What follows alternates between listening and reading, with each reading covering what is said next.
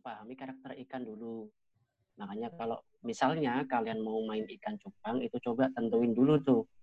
Kalian mau main di uh, misalnya kategori apa? Kan ada plakat, ada half moon, kemudian ada HMPK ya kan?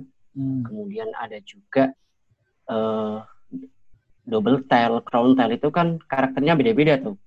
Perawatannya kan juga beda-beda juga. Nah, Nah, di situ misalnya tentuin satu plakat. Nah, di plakat kan jenisnya banyak banget tuh, ada multi, ada koi. Nah, coba main di satu dulu, misalnya koi. Gen koi itu seperti apa? Itu dicari seluruhnya. Nah, dengan misalnya kalian bisa breeding eh, satu sampai dua kali sampai F2 katakanlah, itu kalian bisa tentuin oh ketika saya mengawinkan warna ini dengan warna ini itu akan muncul warna ini. Itu eh, teman-teman bisa simpulin bisa analisa sendiri. Nah hasil itu yang kemudian kalian jadikan bahan untuk kalian misalnya eksperimen lagi. Saya pengen eksperimen dengan jenis lain misalnya seperti itu. Sebenarnya ilmu itu yang pengen saya sampaikan ke teman-teman gitu biar mereka itu edukatif gitu. Nggak cuma istilahnya breeding ikan-ikan yang asal-asalan. Akhirnya lihat hasilnya mereka kok hasilnya kayak gini banget malah mereka jadi kecewa dengan hasil itu seperti itu. Hmm. Nah itu, itu nah, untuk berarti mas eh, semuanya terencana ya kalau mau breeding itu iya harus rencana. Berarti hmm. mas eh, punya pencatatan khusus atau gimana mas? Ada akte. Hmm, ada, ada aktenya. Iya dari mulai bertelur dia hmm. menetas hmm. sampai umurnya itu kita tahu semua.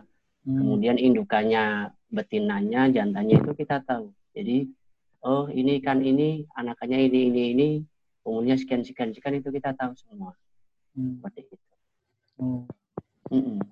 Itu dicatatnya manual aja apa? Manual. Pakai manual aja. Oh. Iya Pak, ya di buku-buku hmm. kayak diary gitulah. Oh. kayak curhat-curhat gitu ya. Iya, iya, iya, benar benar. Hmm. Kita kasih fotonya. Hmm. Nah, kalau misalnya sudah dicatat gitu, Mas. Iya. Nah, itu kan kalau kita kan sering toples banyak banget itu, Mas. Iya. Nah, itu pencatatannya memakai nomor atau gimana, Mas? Pendataan kode kode huruf. Oh, kode huruf. Iya, kalau multi itu saya pakai A. Hmm ya terusan kalau Venci itu pakai B seperti hmm. itulah pokoknya kalau hmm. A berarti koi eh hmm. multi kemudian hmm. B Venci hmm. FCCP itu masuk B karena itu kan hmm. Venci kan Venci Cooper hmm. seperti itu. Hmm. Nah itu untuk mendapatkan indukan tuh dari awal itu hmm. modalnya kira-kira berapa mas? Kalau model sih tetap dari kecil ya hmm. dari kecil. Karena kan kita awalnya itu kan cuma hobi, bukan hmm. orientasi bisnis kan. Hmm. Nah, dulu kita itu main cupang itu saya sempat uh, sering bilang itu dari dari Bogor itu ketua komunitas cupang Bogor itu namanya Mas Sams itu dulu saya sering beli ikan dari sana beli ikan aja tuh asal-asalan aja nah beli ikan dari sana lama kelamaan kita bidding sendiri tuh kita bikin sendiri semakin semakin banyak terus bingung kan ini wadahnya nggak cukup nih kalau kita kita breeding lagi akhirnya kita nggak sengaja buat tawalin di grup di, waktu itu grup kan masih banyak belum ada pedat-pedatan kan hmm. kita tawalin kan gampang banget cepat lakunya nah di situ dari berawal dari situ kita beli kita jual breeding kita jual breeding kita jual. nah penjualannya itu nggak kita pakai gitu loh kita simpan buat beli indukan yang lebih bagus seperti itu hmm. Nah, berawal dari situlah pokoknya kita mulai serius di di dalam dunia bisnis ikan cupang itu gitu. Hmm. Nah ini uh, kan kalau kata banyak ini nih breeder atau seller, uh, hmm. mendingan beli yang mahal sekalian daripada beli murah banyak karena ngasih ya. makannya sama aja gitu kan. Iya benar. Nah, Kalau misalnya budget terbatas nih, hmm. ada yang mau mulai, terus dia mau beli yang mahal sekalian, mending beli memilih male dulu apa female-nya dulu? sebenarnya gini kalau kalau di dunia cupang itu sebenarnya kita tentuin uh, kita mau main di mana dulu kalau kita hmm. mau udah kita main kan misalnya kita main hmm. di kualitas karena hmm. itu akan bergantung pada branding yang kalian bangun gitu loh hmm. nah katakanlah seperti ini misalnya masnya uh, punya punya uang misalnya 5 juta misalnya hmm. itu kalau dibeliin multi yang kualitasnya jelek itu hmm. misalnya bisa dapat katakanlah 500 ekor. Hmm. Tapi ketika dibelikan indukan dengan uh, gen yang jelas, kemudian kualitas yang bagus, itu kan otomatis ya paling dapat sekitar satu dua eh, tiga ekor dua ekor betina satu ekor jantan seperti itu tapi hmm. dengan catatan di situ eh, masnya bisa breeding dengan dua female kan. Kalau hmm. jantan cuma satu kan cukup tuh. Nah, yeah. dari situ kan masnya bisa breeding dengan dua female itu bisa hmm. dapat yang begitu banyak ikan-ikan bagus tapi dalam jangka waktu yang ya enam bulan katakan. Nah, di hmm. situ juga itu ditentuin tuh. Hmm. Enam bulan itu kamu misalnya kalau misalnya itu bisa bisa keluarin duit buat beli partai lah katakan. Hmm. Kalau misalnya buat bisnis ini ya, nah itu bisa partai, tapi dengan kualitas yang lumayan. Nah, hmm. partai yang kualitas lumayan pun nggak nggak murah. Saya dulu pernah ambil itu satu ekornya 150 ya, itu minimal 100 ekor. Itu hmm. saya pernah beli dulu itu untuk istilahnya itu kita bangun branding dulu. Hmm kalau misalnya orientasinya dengan bisnis. Nah, kalau misalnya mau buat breeding. Nah, kembali lagi kalau pun ya teman-teman mau beli ikan cupang punya dana satu juta misalnya ke seller A katakan di seller A itu mereka punya ikan cupang multi dengan ya bentukan yang mungkin bisa dibilang bagus tapi belum tentu gennya. Di sana bisa dapat satu juta itu lima pasang katakan. Misalnya teman-teman datang ke seller B katakanlah sebut saja Fani Firmana Sution misalnya itu kan nama multinya udah melanglang buana tapi teman-teman dikasih satu pasang teman-teman tergiur yang mana? Ya pasti yang lima pasang. Tapi kan itu jangkanya pendek. Kalian nggak bisa dongkrak nama kalian sendiri. Tapi ketika bisa numpang numpang di nama orang lain misalnya kayak Fanny ataupun uh, Multicolor New ataupun Haris Sedikit itu kan bisa sedikit-sedikit. Orang kan sekarang tanya bang ini lainnya siapa? Kan seperti itu. Nah ketika kita bilang lainnya si A siapa ya si A? Itu kan ya kan branding kita kan nggak nggak terpercaya gitu saya rasa seperti itu ya oh. ya tinggal tentuin mau yang lima lima kuantitas lima pasang tapi nggak ada itunya atau hmm. dapat satu pasang kita bisa breeding tapi hmm. nama kita ikut dipercaya seperti itu. Iya ya, jadi uh, tempat kita membeli juga menentukan ya nantinya ya. Iya, tentu. Hmm. Pasti itu pasti. Iya. Nah, untuk persiapan ini Mas, misalnya uh, pemula gitu. Hmm. Dengan modal ambil contoh dia punya uang 1,5 juta Nah, itu yang mesti dipersiapkan dulu selain ikannya tuh apa aja, Mas? Kalau saya sih media itu nggak terlalu ya. Kalau media itu sebenarnya misalnya wadah itu kondisional aja sih. Hmm. Apa yang ada itu bisa dipakai. Hmm. Yang paling penting dari breeding itu ya pakan. Selain ikan loh ya. Selain ikan ya pakan. Tanpa pakan ya ikan kalian nggak bisa hidup. Hmm. Ya itu. Jadi paling penting satu ikannya, nomor dua pakan. Pakan harus tersedia dalam kurun waktu ya paling minim itu kalau kan udah gampang kan bisa pakai jentik nyamuk, kemudian bisa pakai cacing sutra, ya kan, bisa pakai pelet juga seperti itu. Berarti yang utama itu sebetulnya pakan ya, karena itu pakan. suka uh, kadang suka kelewat. Kalau di yeah. tempat saya dulu itu uh, susah mas nyari uh, kutu air tuh susah lah susah Hmm. gitu. Ada Iya, Artemia tapi sekarang. Iya. Nah akhirnya saya waktu itu eh, sampai sekarang sih eh, pakai Daphnia saya kultur sendiri. Nah, itu kan sudah ada solusinya sekarang. Ya iya mungkin itu mesti teman-teman juga persiapkan tuh pakannya. Itu pakai huruf kapital dan merah itu. Oh iya Iya, harus itu. Ya biar jelas. iya. Nah eh, sebentar, sebentar, ada yang nyala nih kayaknya. Nah sebelum eh selain eh, persiapan itu mas, kalau dari mungkin air ya, karena kan air beda-beda tuh di tiap daerah pasti beda. Iya.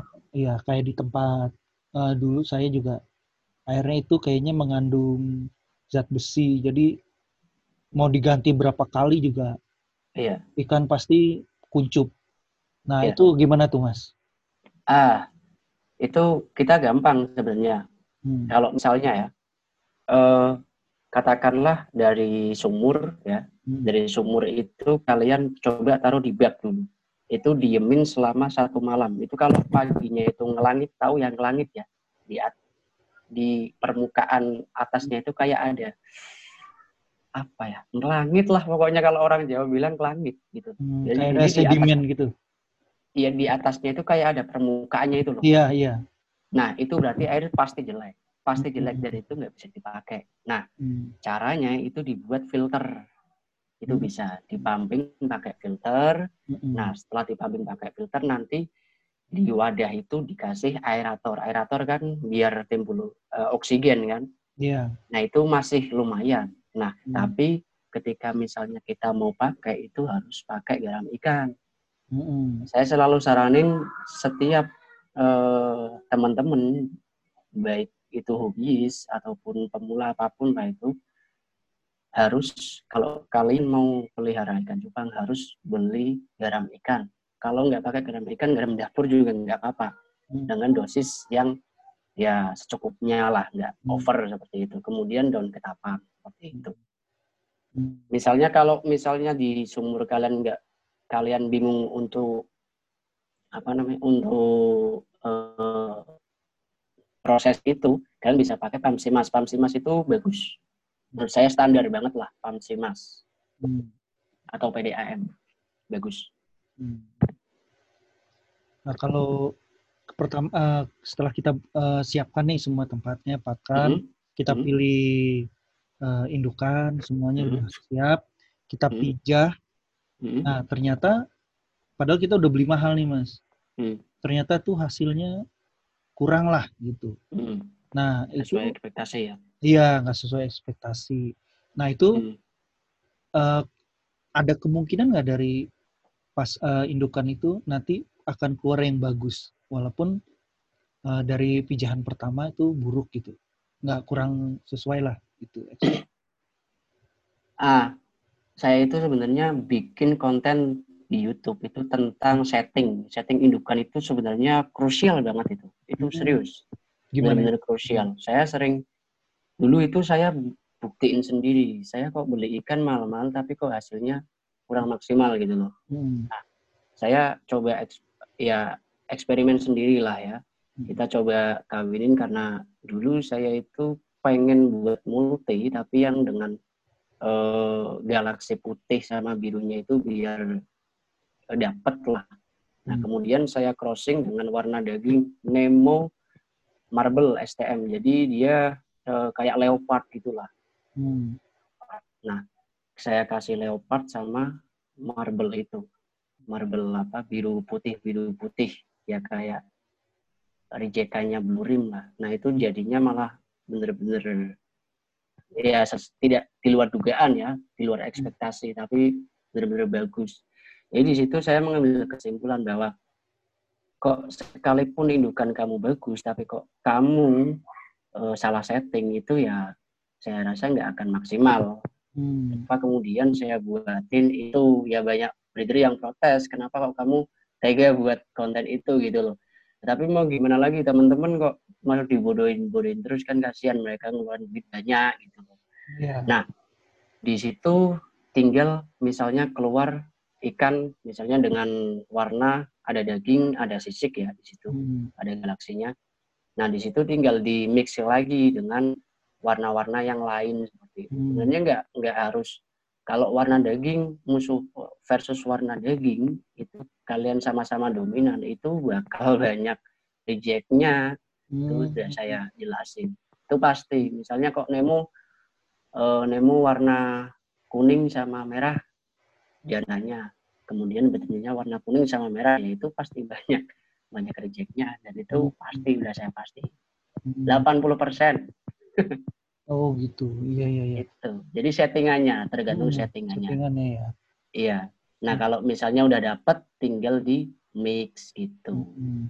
di cross lagi boleh di inbreed lagi boleh. Kalau inbreed itu kan fungsinya buat ya color pattern ya. Jadi dia uh, dapat paten warnanya. Misalnya kalau di situ ada lima warna yang mau dipatenin nah di bikin itu dapat lima warnanya biar tetap ada seperti itu. Seperti itu. Nah itu setelah menghasilkan mm -hmm. yang Mas bilang tadi, gimana mm -hmm. tuh supaya dia biar mantap gitu, uh, sampai turunannya juga warnanya yeah. juga tetap. Ya, ya salah satu cara untuk memperkuat ataupun menguatkan uh, warna ataupun gen dari warna itu ya hmm.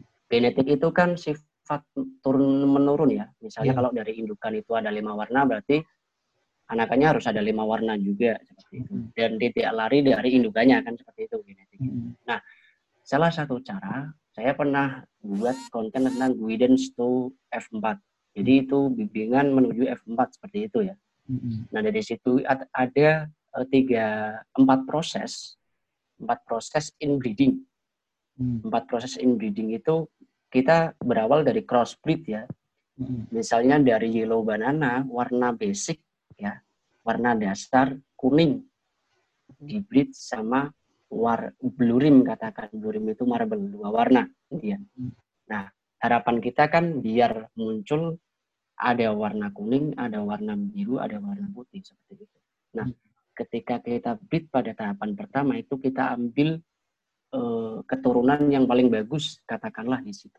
Kita ambil keturunan yang paling bagus, kita ambil satu pasang A dan B, kemudian kita breed lagi sampai F3, itu kan dua dua panel ya, dua yeah, panel. Betul. Jadi baru sampai di F3 itu kita hmm. cross. Dari itu dari dari berbeda ya. Misalnya hmm. dari apa yellow banananya itu uh, A, yellow banana betinanya itu B, kemudian hmm. pokoknya berbeda semua lah. Jangan sampai satu satu line itu hmm. antara empat ekor ikan itu. Kan ada empat ekor kan. Yeah. Yellow banana jantan betina, hmm. durim jantan betina itu harus semuanya beda. Hmm. Beda beda line. Yeah. Tidak asal ketemu. Bukan one colony. Kalau one colony itu tetap nanti masuknya nanti in line breeding bukan hmm. Iya.